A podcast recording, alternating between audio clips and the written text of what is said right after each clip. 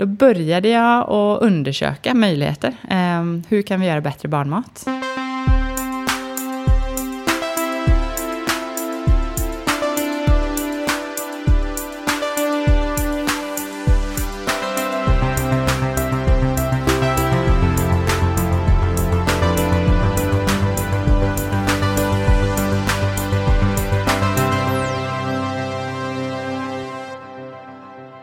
Välkommen till Heja Framtiden, jag är Christian von Essen. Eh, Jag sitter här med Malin Bruset från Norge och Sverige. Jag är, jag är ganska svensk, men jag har bott i, i Norge nu i faktiskt 11 år. Så det är klart man blir ju lite skadad, Mm. språkförvirrad. Ja, jag, jag bodde där i två år. Ja. Jag, jag, var, jag var hård på att behålla svenskan. Men Ja. Tydligen så var det inte helt 100%. Nej, alltså jag försöker. När jag, när jag är nu i Sverige så jag anstränger mig för att prata så bra svenska som möjligt. Men språken är så lika så man blir, ja, det går Ja, så måste man ibland anpassa för att göra sig förstådd. mm, i. Norge. Ja. Så måste jag det. Ja, Så när jag lägger över allt jag kan, då tycker de att jag pratar väldigt enkel svenska. ja exakt. Mm. vi är, eh, idag är vi faktiskt i min lokal på Roslagsgatan i Stockholm. Kitchen Studio heter den. Eh, www.kitchenstudio.se. Det finns jättefina bilder. Min fru gör ju matrecept. Eh, matrecept. Min fru gör receptutveckling, kokböcker och så vidare. Och eh, fotar all sin mat här inne. Och jag testar att podda här inne för första gången. Det är lite temporär, härlig setup. Och det är trafik utanför. Men eh, om det är någonting man har vant sig vid under det här året så är det ju medioker ljudkvalitet. Ja, hemmakontor. Det här Ja, är sån här man kommer kanske. Exakt. Ja. Du, eh, du driver ett företag som heter GroGro. ja, det stämmer. Kan du ta oss tillbaka till hur eh, den idén kom till överhuvudtaget? Absolut. Ehm, Vi spolar tillbaka lite granna tidigare. Ehm, Och eh, min bakgrund är att jag är naprapat. Så jag har bott här i Stockholm i, i då fem år när jag pluggade. Träffade min norska man, flyttade över till Norge. Eh, Och när jag fick mitt första barn då, nu snart nio år sedan, så blev jag egentligen ganska sån chock, chockad över både utbudet i, i mat, barnmatshyllan, att allt är konserver, eh, men också mycket okunskap liksom, hos föräldrar, eh, dålig uppföljning på BVC, lite okunskap. Så jag, jag skrev en bok, Den lilla barnmatbibeln, som kom ut eh, i Norge 2016 som ett liksom, första försök i att försöka att lära ut eh, hur man lagar sin egen barnmat, lite sånt sunt förnuft som ofta försvinner när man får barn. Man blir liksom hjälplös och bara allt som ja, borde vara logiskt försvinner liksom ut ur fönstret. Eh, och den där boken sålde ganska dåligt, för jag var liksom inne, ingen kändis och jag kunde ganska lite om marknadsföring då. Så tänkte jag, okej, det här var ju inte lösningen på problemet, utan eh, så jag började köra kurser för föräldrar. Online, live, hur du lagar din egen barnmat, varför det är viktigt. Eh, jag vidareutbildade mig inom kost och kände att det här vill jag lägga mer tid på. Och en av de vanligaste frågorna jag fick från de här föräldrarna var ju det att, eh, så när vi inte lagar barnmat, eh, vad kan du rekommendera att vi köper då? Så jag gjorde en ganska grundlig genomgång i barnmatshyllan och kände att det är klart att några produkter har bättre ingredienslista än andra, men allt står i rumstemperatur med en hållbarhet på upp till två år. Så jag kände liksom, det var ingenting jag riktigt kunde stå helt 100% bak. Eh, så då, sommaren 2018, så tog jag beslutet att nej, okej, ingen annan gör någonting åt det här problemet. Nu får jag se till att fixa det här. Så att eh, då började jag att undersöka möjligheter. Ehm, hur kan vi göra bättre barnmat? Jag var inom fryst barnmat, men så lärde jag mig om den här kallpressningsteknologin då, som heter HPP, High Pressure Processing, som är mest känt just för juice, alltså juiceproduktion. Mm. Eh, Jag tänkte att okej, det här är spännande. För att eh, fördelen med den är att du, du behåller både näringen, eh, konsistensen och smaken. Och så får du lite längre hållbarhet i kyl. Tänkte jag, men det här är ju perfekt för barnmat. Började researcha, såg att en del aktörer då i USA eh, har hållit på några år. Eh, det var en då i Europa som eh, var ganska nystartad, nere i Österrike, Schweiz, men ändå liksom, det fanns. Eh, Så då bestämde jag mig för att okej, det här ska vi köra på. Och vad, vad, hur- drar man igång då? Nej, alltså googla starten? liksom. Alltså jag sitter där i Norge, ingen erfarenhet, varken om matproduktion, industri, inget nätverk liksom. Så jag, nej, var börjar man? Alltså det tog ett halvår att bara komma under full med saker och ting. Men så blev jag antagen i Antler, eh, startup-generatorn. Eh, deras första eh, skandinaviska program som var här i Stockholm eh, januari 2019. Då blev jag antagen där. Och då fick jag min businessutbildning kan man säga. Jag har ju varit entreprenör eh, egentligen, skulle jag säga från att jag var kanske, jag kommer ihåg första gången jag tänkte att jag vill aldrig bli anställd, då var jag tio år. Mm. Eh, så det där har alltid funnits i mig, entreprenörskapet, och jag har alltid haft mitt eget företag sedan jag var 18. Men jag har aldrig liksom byggt något riktigt stort. Och nu var första gången i mitt liv som jag bara kände att det här ska bli stort, det måste bli stort. För här har vi ett jättestort jobb att göra.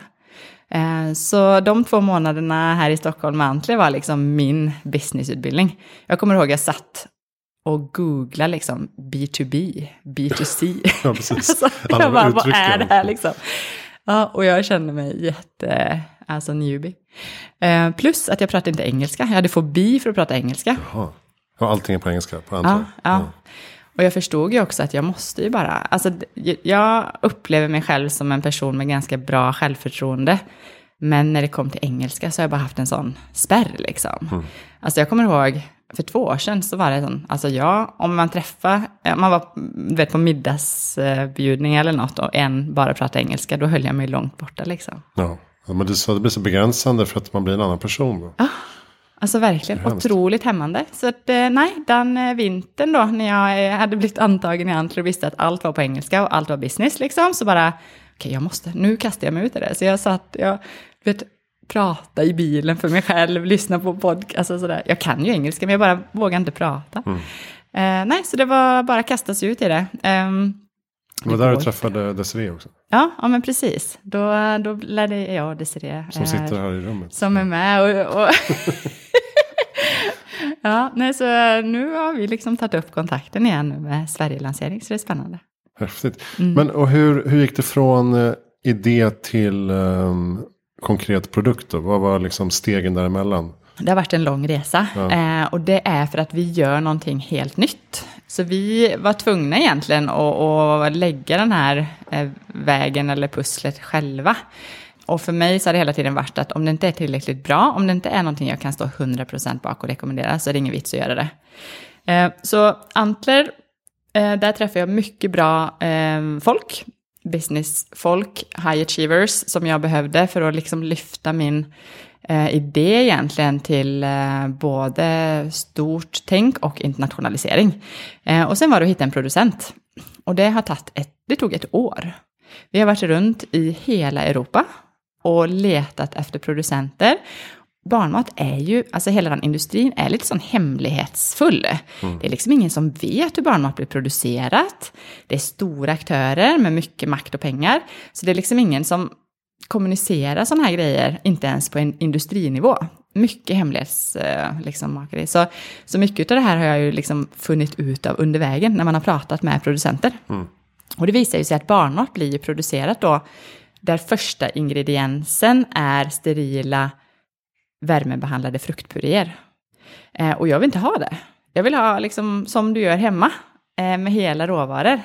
Eh, så att eh, vi var faktiskt inom en producent som, vi, som har jättegott rykte i Europa, i Tyskland, som vi liksom kände, ja men det här kommer bli bra. Fick vi de första samplesarna och jag bara kände på smaken den här syntetiska sötman. Jag bara, men ni har ju använt puréer. Och de bara, ja, det är det enda vi jobbar med. Så jag bara, okej, okay, då får vi gå vidare liksom. Fick ni inte mitt mejl? Liksom. Ja, nej men precis, våra kriterier. Så, nej, så att vägen var lång och så till slut hittade vi nu en producent då i Nederländerna som både önskar och ville jobba med oss och göra det vi önskar få till. Då. Så att vi är per idag de enda som bara använder hela råvaror i våra produkter. Och målet är att det ska vara alltså så nära hemlagat som möjligt, det bästa alternativet till hemlagad matmat. Och det låter ju så otroligt enkelt och självklart när ja. du berättar det. Varför är det så otroligt svårt? Då? Det är flera faktorer och jag tror att eh, när man ser på barnmatindustrin eh, så är det en distributionskedja som är torrmat. Alltså det, det, de har inte någon kyldistribution eh, och inte frys och, och så. Eh, sen är det stora aktörer som har hållit på i många år. Så det att liksom bara ändra, det ligger inte i naturen. Idag är det trygg barnmat, billig barnmat och enkelt att hantera med lång hållbarhet. Eh, och det att ändra på det, det kräver ganska mycket. Eh, både eftersom det är ett eget regelverk för barnmat, så är det också sådär att lite läskigt, alltså att ge sig in i den branschen. Jag menar det värsta som kan hända är ju att ett barn blir dåligt av maten man lagar. Så det är klart att jag tror det är väldigt många rädslor för att ge sig in i den här branschen. Och det är också någonting jag har mött nu efteråt, att det är många som eh, kommer liksom till mig och säger att ah, men vad bra att du gör det här. Jag har tänkt på det så många gånger att det, det här vill jag göra, men jag har liksom undersökt det och vågar inte, eller det, det är för stort. För problemet är också att alla andra barn, eller alla andra matprodukter kan du börja hemma i köket. Du kan liksom stå och laga dina måltider, du kan sälja dem och så testa marknaden. Du kan inte göra det med barnmat, för du får inte lov till det. Mm. Eh, du, kan inte, du får inte lov att laga någonting hemma och sälja till barn. Utan där måste det vara grundligt testat. Det måste vara produktionslokaler som är godkända. Det måste vara tester och så vidare och så vidare. Så att du kan inte göra det smått. Du måste satsa stort. Vad sa du? På gott och ont. ja, säga. på gott och ont, absolut. Så innovationen är ju väldigt begränsad i den kategorin. Och tänker du på det så, eh, barnmat blev ett koncept för hundra år sedan. 1920-1930 blev det liksom, då, då kom den eh, kategorin på marknaden. Och barnmaten står fortfarande idag på, i glasburkar, liksom, på torrvaruhyllan. Mm. Så att innovationen har ju varit extremt begränsad. Alltså den stora revolutionen var ju när kläm, klämmisen kom. Och det var ju emballage och inte liksom produkt eller matkvalitet. Eh, och nu det sista som är trend är ju egentligen eh, hö, alltså, kraftigt eh, bearbetad snacks. Liksom. Alltså de här som då ja, blir lanserat som liksom naturligt för att det är frukt. Men det är ju hög, alltså det är ju hög alltså processerat. Men om man tänker de produkter som finns då på torrhyllan. Är det så att det är dåliga ämnen i det eller är det bara att det inte är särskilt mycket bra ämnen? det som är bra med barnmatsregelverket, att du får inte stoppa i några konstigheter. Nej. Du får inte ha socker, du får inte ha e-ämnen, du får inte ha konserveringsmedel. Så det mesta är ganska rent, förutom en del fyll då, som jag säger med juicekoncentrat och sådana där grejer som egentligen inte borde finnas där, tycker jag. Men, men alltså annars, det är inga farliga saker. Eh, så problemet är istället hur man producerar mat. Och då kommer vi tillbaka lite som matkvalitet, som ändå är en debatt eller kommer mer och mer runt vuxenmat. Så barnmaten som är idag, den är trygg, men den är väldigt alltså bearbetad. Så att råvarorna i sig, superbra, men sen så går de igenom flera steg av värmebehandling. Och det måste det vara om du ska kunna ha en trygg produkt på hyllan. De är ganska näringsfattiga. Ja, alltså det här är ingenting jag kan säga svart på vitt utan att, att göra en studie på. Och det har jag inte gjort. Eh, men det man vet är att både värme och lagring dränerar mat från näring. Så att i teorin kan man säga att det är fallet. Men för att jag ska kunna gå ut och säga det så måste vi liksom göra ja, tester. Mm. Men eh, din barnmat hamnar då i kyldisken istället för Precis. Eh, rumstemperatur. Ja. Mm. Det måste ju också vara en tröskel att få butikerna att ja, fatta visst. att de ska upplåta plats i, ja. i kyldiskarna. Ja. Barnmat. Och kyl är ju jättepopulärt i, i liksom affärerna. Eh, nej, så att, eh, och, och, utmaningen där är ju också att när du kommer med färsk barnmat så det är en kategori som inte existerar idag. Eh, så det är väldigt många liksom, utmaningar i processen. Vi har ju jobbat mest nu i Norge eftersom det är där jag bor, så där har vi lanserat, eller vi lanserade nu första november i eh, 2020 eh, i, hos kolonial.no som är online. Och online är ju lättare, för där blir det liksom precis på samma sätt, precis som Mathem här nu. Eh, men nästa vecka så lanserar vi faktiskt med Coop i Norge. Och då har vi ju haft den här diskussionen. Och jag är ju i dialog med barnmatsansvarig, mejeriansvarig och färskvaruansvarig. Och här gäller det egentligen att, se vem som är mest intresserad av att förnya den här kategorin. Så att vi har ju mest dialog med han på mejeri. Det är han som Ja, liksom håller den här drivkraften igång. Och det som är så spännande är att de håller nu på att lägga till rätta för att bygga in kyldiskar i barnmatshyllan till oss. Eh, och då helt plötsligt, alltså det är ju vårt mål, att, att den här kategori, hela kategorin ska liksom förändras. Alltså färsk mat till ungarna liksom. Kan inte ni producera en eh, som eh, läskproducenterna gör då? En sån kyl som man Jo, placerar ut? Vi har faktiskt erbjudit eh, att investera i kylar, men, eh, men Coop eh, såg möjligheten och kände att nej, de ville ta den investeringen för att eh, de, de förstår att innovationen har varit så lite. Det här är en kategori som behöver ett lyft. Eh, och det vi ser nu bara baserat på de här tre och en halv månaderna som vi faktiskt har varit live, så är det ju typiskt de föräldrarna som inte går i barnmatshyllan normalt, som är våra liksom first adopters, som är superexalterade för att äntligen ha ett alternativ till den hemlagade maten. Så att vi menar ju att vi kommer bidra till att lyfta hela kategorin, alltså öka omsättningen för att vi får in eh, föräldrar som normalt inte går där. Men eh, äter man en kall också eller värmer man upp den lite? Eh, Så som du fick smaka här så smakar den gott eh, kallt. Eh, det går fint att värma om man önskar det. Så en del barn tycker om lite rumstempererat och sådär. Ja. Men det går också, eftersom de är kallpressade då, så, eh, så är de ju råa så att säga. Alltså det blir ju som gröten, smakar lite som overnight oat. Den uppvärmningen som du gör är i så fall den enda värmebehandlingen som är. Och då har du mer kontroll också som förälder. Men sen är det ju en smaksak vad barnen föredrar. Ja, och det, det kändes ju att det var en fin naturlig sötma. Det blev, all, det blev inte sådär översliskigt på något sätt. Nej, nej men precis. Artificiellt. Nej, nej, och det är det som är målet, att få smaken för god mat egentligen. Målet är ju trots allt att barnen ska äta som vi vuxna så fort som möjligt för att göra en enkel vardag hemma eh, så fort som möjligt. Och då är det något med vilka smaker du introducerar och, och sådär. Vi önskar ju bygga liksom ett lite sånt positivt community också för föräldrar. För att det är ju lite sådär att det är mycket dåligt samvete ute och går. Det, är liksom, det kommer på köpet när man får barn. Liksom. Ja. Alltså, det spelar ingen roll hur duktig och bra och mycket kunskap man har. Så sitter man där med ett litet barn och bara känner, shit, man bara ser allt man kan göra fel. Liksom.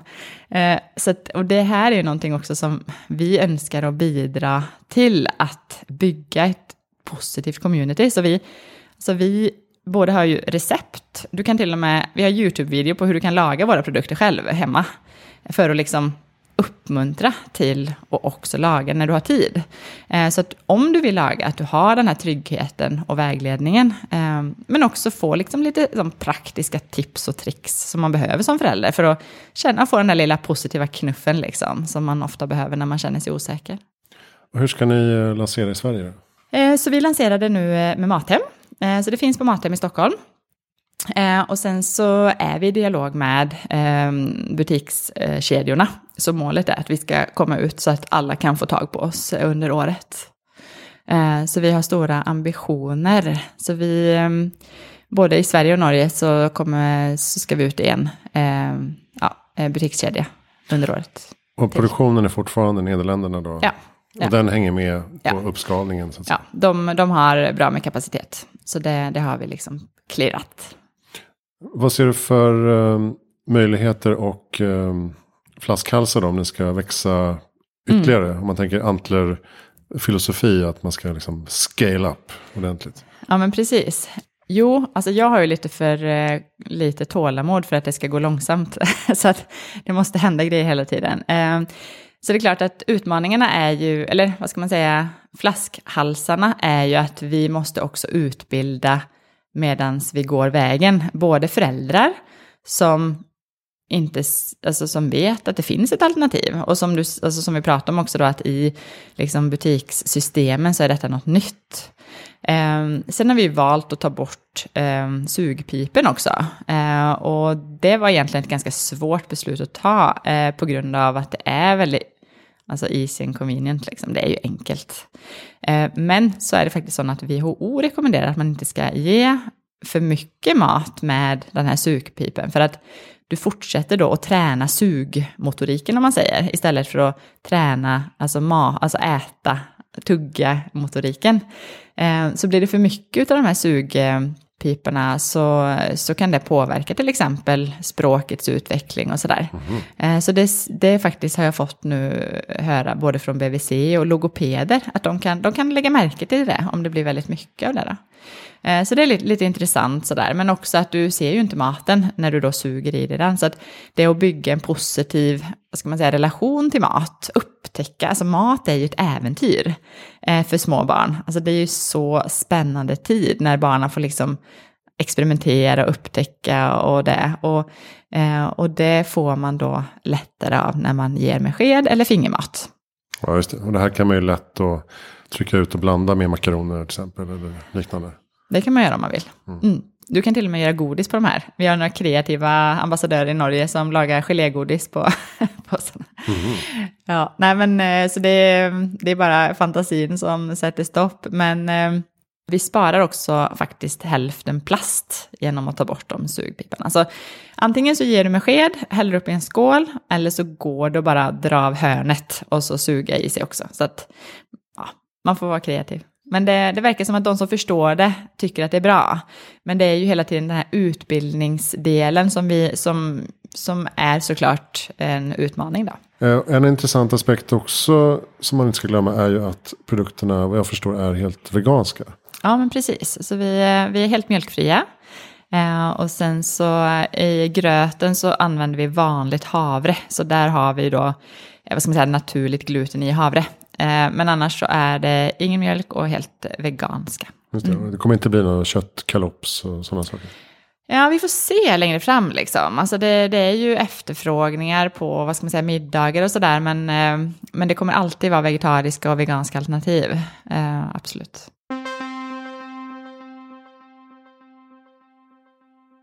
Jag vet att Desiree nämnde att du pratade om de här tusen första dagarna. Ja. Alltså vikten av att få in god eh, hållbar kost. Ett kosttänk liksom, ja. kring barnets första tusen dagar. Ja. Har vi eh, tappat det på något sätt? Att man inte, ja, men som du säger, att man inte vet vad man håller på med. Utan bara, ja, alltså jag tror att... Det ska, eh, det ska bara lösas. Ja, jag tror... Jag tror inte så många känner till de först, första tusen dagarna. Eh, I USA till exempel är detta ett ganska eh, inarbetat tänk. Eh, men Eh, Eh, jag upplever att i Skandinavien så är det lite systemfel för att du har, alltså som BVC-sköterska till exempel, så studerar du väldigt lite kost. Så att det är inte så lätt att sitta och vägleda föräldrar liksom i den första maten. Så att där är en plats där industrin har liksom hittat ett litet hål att komma in och få påverka ganska kraftigt. Så jag träffar ju många föräldrar som inte vågar laga egen barnmat för att de har blivit varnade för det på BVC. Och, mm. och det att, nej men gud, du måste ju ge pulvergröten som är liksom berikad med liksom syntetiska vitaminer för att du ska vara helt trygg. Och det är klart att då är det inte så lätt som förälder och liksom, även om du vill laga, alltså det blir ju en, en eh, osäkerhet där. Så att eh, det, här är också en debatt som är väldigt spännande, eh, som egentligen är politisk. Eh, att utbilda, alltså du måste ha kunskapen helt enkelt, där föräldrarna går, för att få vägledning och sådär. Så, att, eh, så det där tycker jag är väldigt spännande också. Ehm, och det första vi gör nu i samband, för, för, att lyfta den här debatten så lanserar vi den internationella barnmatsdagen eh, 17 april. Så där så kommer vi arrangera dagen, eh, men målet är att egentligen sätta barnmat i fokus, diskutera sådana här saker, höja kunskapsnivån. Så vi kommer nu, det blir digitalt i år, så då, då bjuder vi in Eh, talare som pratar och om matkvalitet de första tusen dagarna och tillbaka till det så är det ju de första tusen dagarna, man, det är från egentligen befruktningstillfället faktiskt, till barnet är två år. Och du har sån enorm utveckling under de tusen dagarna så att du, man säger att det är liksom the window of opportunity. Du lägger grundlaget för resten av livet. Och det är många faktorer, så mat är en del av det. Eh, men vi önskar att liksom lyfta hela då kunskapsnivån, både hos föräldrar, BVC-sköterskor, förskolepersonal, alltså alla som egentligen jobbar med små barn.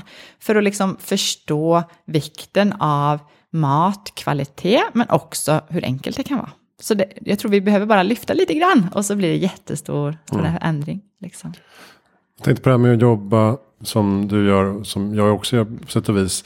Alltså med någonting som är ens passion och det är liksom mitt och man vill uh, köra på och rädda världen. Vad ser du för liksom, positiva och negativa aspekter av det? Dels kan man ju hitta massa energi i det. Mm. Samtidigt som man också kan bränna ut sig för att man liksom, ja. blir ja. frustrerad och uh, kör för fort och så vidare. Mm. Uh, vad tänker du kring detta? Alltså jag älskar ju det här livet. Eh, det är liksom, men det är också skittufft till tider. Så att eh, alltså 2019 var ett sånt växtår för mig. Jag lärde mig så otroligt mycket och jag gjorde varje dag saker som jag kände mig osäker på och inte kunde. Alltså jag hade så ont i magen det året liksom. Men jag visste att, det var, att jag var tvungen, alltså jag, det behövdes. Så att det är ju lite det att komma ut, liksom, utanför komfortzonen, liksom. det är ju lite det det handlar om. Um, och jag tror att om man tycker att det är okej okay och förstår att, att man lär sig på det, så, så tänker jag att då är det liksom stället att vara i startupvärlden och, och bygga sällskap. Men Nej, personligen så tycker jag, jag är lite sån otålmodig och jag tycker om att lära nya saker och jag älskar att träffa nya människor och alltså jag har ju lärt mig så sjukt mycket de här åren mm. och jag lär mig nya saker varje dag. Eh, så det, det passar min personlighet ganska bra, men det är klart att utmaningen är ju föräldralivet, alltså familjelivet, att liksom hitta den här balansen. Eh, ta vara på sig själv, ta vara på sin man, ta vara på barna. Ja, nej, och det där, jag tror det viktigaste är att man är liksom medveten om det. Och så upplever jag att det är en fight varje dag nästan. Att jag måste prioritera eh, den här balansen. Ibland så är det lättare och ibland är det svårare. Jag älskar att jobba, för jag, det är som du säger, när man jobbar med någonting som man verkligen trivs med och tycker är kul och har stora ambitioner så kan man ju egentligen jobba dygnet runt. Men samtidigt så när det är riktigt tuffa dagar så är det gott att komma hem till en familj som ändå är liksom det viktigaste. Mm. Men det är mest positivt. Precis, så ska cashen in också. Ja. Någonstans. ja, precis. Min man är ju lite sån, han bara, alltså det är en hobby tills du börjar tjäna pengar liksom. Så bara, du kan inte prioritera din hobby så mycket. Men nu när vi äntligen har lanserat, två och ett halvt år senare, liksom, eh, så har jag börjat kunna ta ut en, en lön så att vi i alla fall har det trevligt vid middagsbordet mm. när vi pratar. Ja, man måste ju någonstans bestämma sig för att satsa eller inte då. Kanske. Ja, Ja, och sen är det lite så, det är någonting som eh, faktiskt Magnus eh, i Antler, då, en av grundarna där, sa, liksom, som gick lite in hos mig, att eh, ska, du, ska du bygga någonting kan du lika väl satsa jättestort, för jobbet måste du göra oavsett. Och satsar du stort så får du ett större resultat. Så varför tänka smått när du liksom kan tänka stort? Och våga liksom. Alltså ibland tänker jag så att går allt åt helvete så har jag i alla fall lärt mig så sjukt mycket. Och det finns ingen skola eller utbildning i världen som kan lära en sig så mycket som ett venture. Liksom. Mm. Vad är uh, ditt bästa tips för att göra världen bättre i framtiden? Det är klart att det är ju säkert olika beroende på vilket, uh, vilken del av världen eller vilket tema vi pratar om. Men jag tror att som lite generellt så tänker jag att uh, man kan börja med sig själv. Att när man har det bra, prioritera sig själv. Det är lite sånt som förälder. Så använder jag ett talesätt, eller vad man ska säga, att man ska vara en eh, ansvarig egoist. I det ligger att du ska ta vara på dig själv så mycket så att du kan vara den bästa personen för dem runt dig.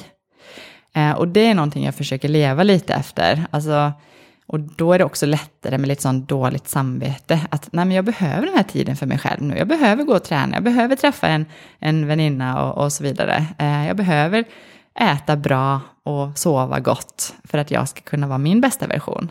Och jag tror att om fler tänker så, eh, så har man i alla fall grund, grunden. Och jag tror liksom att jag har ändå tro på oss människor. Jag tror att vi är fantastiska varelser. Liksom. Alltså vi är lösningsorienterade och det är så mycket positivt som händer i världen. Jag tycker att ibland kan media liksom, ja, det kan vara lite negativt, speciellt sån i coronatider. Man blir lite liksom, ja, lite, men, men alltså det är mycket positivt och spännande som händer och vi, jag tror vi, vi hittar lösningar liksom. Så länge vi klarar att ta vara på oss själva och hälsan.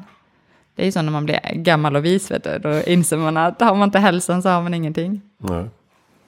Det är bra om man har börjat livet med, eh, naturlig barnmat också. Mm. Jo men alltså det där är så spännande. Och där, där skriver ju Ann Fernholm en del spännande böcker just om, om barn och utveckling och smak. Alltså smaker och hur du lägger både liksom det här där du upp, alltså det, du lägger statusen då. Alltså lite sån, om du, om du ger en sex månaders saft, då kan du ju räkna med att de inte vill ha vatten. Alltså det är ju lite sån. Eh, så du gör dig själv en björntjänst om du liksom introducerar de här söta smakerna för tidigt. Eh, för då måste du ta den här fighten hela tiden. Ja, det. Så, att, så det är något med att och, ja, ta lite medvetna val där i början, så hjälper det. Ja, min fru reste bort första gången. Då var vår dotter åtta månader. Och så lämnade vi hos mina föräldrar. Och de hade ett stenhårt schema. Och de visste precis vad de skulle göra. Ja, Men så sa de att um, ja, det var lite strul med vällingen sådär. Men, men eh, då gjorde jag lite O'boy. Ja. Tyckte hon var jättegott. Värmde lite choklad sådär. Ja. Åh, och tyckte det var så gott. Vi bara, men det är klart hon tyckte det var gott med Ja. O'boy. eller hur? Men hur kan vi lära av åtta månaders det? eller Liksom? Ja, hur? Kommer ju skrika till hon får sin boj. vi, eh, vi lät det passera. Ja. Jo, men det är lite sådana där grejer och vet man det, jag tänker sån, de flesta är ju ändå liksom upp, uppåtgående och ganska smarta, liksom, generellt. Eh, Så bara du får några tips, liksom, tips och tricks och lite sån, ja, så hjälper det Min mamma är ganska smart eh, Ja. också. Men eh, Jo. just det där var en, en, en intressant eh, Ja, lösning. men hon försökte ju bara vara snäll. Ja, ja, hon skulle bara lösa ett ja, problem. ja, visst. Där och då.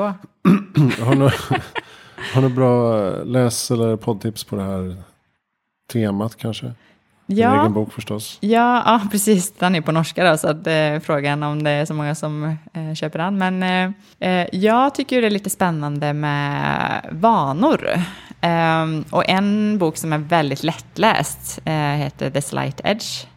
Den är ganska liten, väldigt kort, men du får liksom poängen och det är lite sånt att det du gör varje dag, även om det är smått, liksom, över tid, så får du en väldigt stor effekt.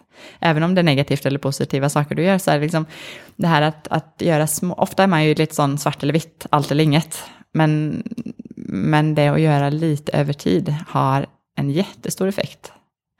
Lite som sparande. Ränta på ränta. Precis. Vem tycker att jag ska intervjua i Heja Framtiden? Vill du ha en norsk eller svensk? Ja, roll. Nej, eh, en norska som är otroligt intressant och spännande. Det är faktiskt en god väninna till mig. Hanne-Lene Norup Dahlgren heter hon. Hon är, kallar sig själv vegetarentusiast. En gammal, eh, hon har jobbat på Google, sa upp sitt jobb, började skriva kokbok. Ve, alltså vegetarisk mat med fokus på matglädje och folk som inte äter vegetariskt. Eh, baserar de böckerna, ja, nu bestseller nummer två, precis är hon aktuell med nu, och eh, hade 300 testfamiljer nu i sista boken, för att liksom verkligen optimera alla recept, allt smakar gott. Eh, hon kör podd, hon har allt, är liksom drivet av statistik och liksom eh, feedback. Eh, otroligt duktig och inspirerande kvinna. Mm. Coolt. Eh, och var är eh, Gro Gro om fem år då? Fem år, då har vi gjort, eh, då tar vi Europa alltså. Så att eh, vårt mål är ju att bli det mest älskade varumärket, alltså matvarumärket för barn och föräldrar. Eh, vi har stora ambitioner. Eh, vi vill leda eh, och sen så visa vägen, visa att det är på tiden liksom med innovation här. Eh, och att andra då eh, aktörer följer med. Eh, så att eh, nu närmsta ett och ett halvt åren så är det Skandinavien, Sverige, Norge primärt som vi ska bygga upp vårt skandinaviska varumärke och sen är det ute i Europa. Så jag kan tänka mig att om fem år där så är vi ja, halva Europa. Nej, men nej, vi, har, vi har en plan alltså. Men det är klart, fem år, mycket i en startup så händer väldigt mycket. Så vi har inte, vi har inte bestämt vilken nästa marknad är. Vi kommer sätta oss om ett år och, och göra en research på vad ska vi gå. Det är många spännande marknader i, i Europa. Men sen har vi faktiskt fått lite förfrågningar både till Asien och nu sist USA. Så vem vet? Häftigt. Tack snälla Malin Brussel för att du kom till Heja Framtiden. Tack för att du bjöd in mig. Grogro.se kan man läsa mer om eh, produkterna och eh, var de finns att köpa. Absolut.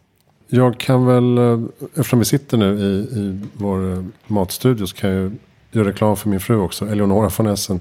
Som har en portfolio på eleonoravonEssen.se och eh, har gjort då eh, bland annat Smarta Snacks och eh, en bok som heter Smartare mat för hela familjen. Om man nu är inne på just det här temat. Och lite andra böcker. Jag kan rekommendera henne, hon är väldigt trevlig. jag heter Christian von Essen. Täljaframtiden.se. Det hittar du alla avsnitt. Tack för att du lyssnar.